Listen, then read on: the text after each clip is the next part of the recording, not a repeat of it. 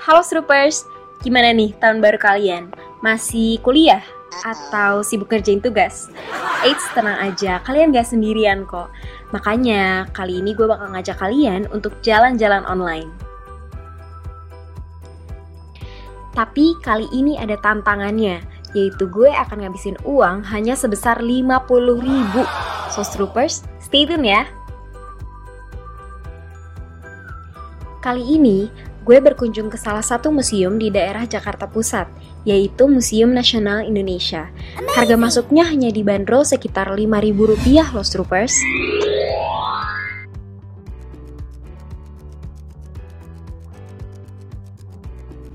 Nah, di bagian museum yang ini, kalian bakalan ngeliat cuplikan voice over saat momen proklamasi Indonesia.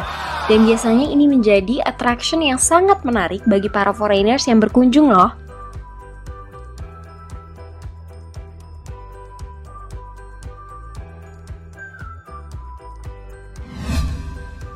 Nah, buat ngisi perut gue, sekarang gue bakalan pergi ke Senayan Park buat nyobain takoyaki. Menurut gue, ambience di sini comforting buat nyantai sendiri ataupun ngobrol bareng temen di luar rumah sih. Nah, kalau takoyaki yang gue coba sekarang ini dipatok seharga Rp30.000 ya, Surpers.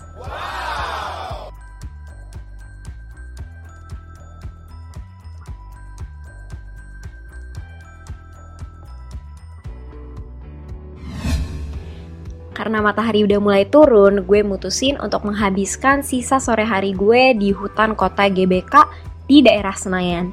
Oh ya, untuk masuk ke hutan kota GBK ini nggak dipungut biaya ya, teman-teman.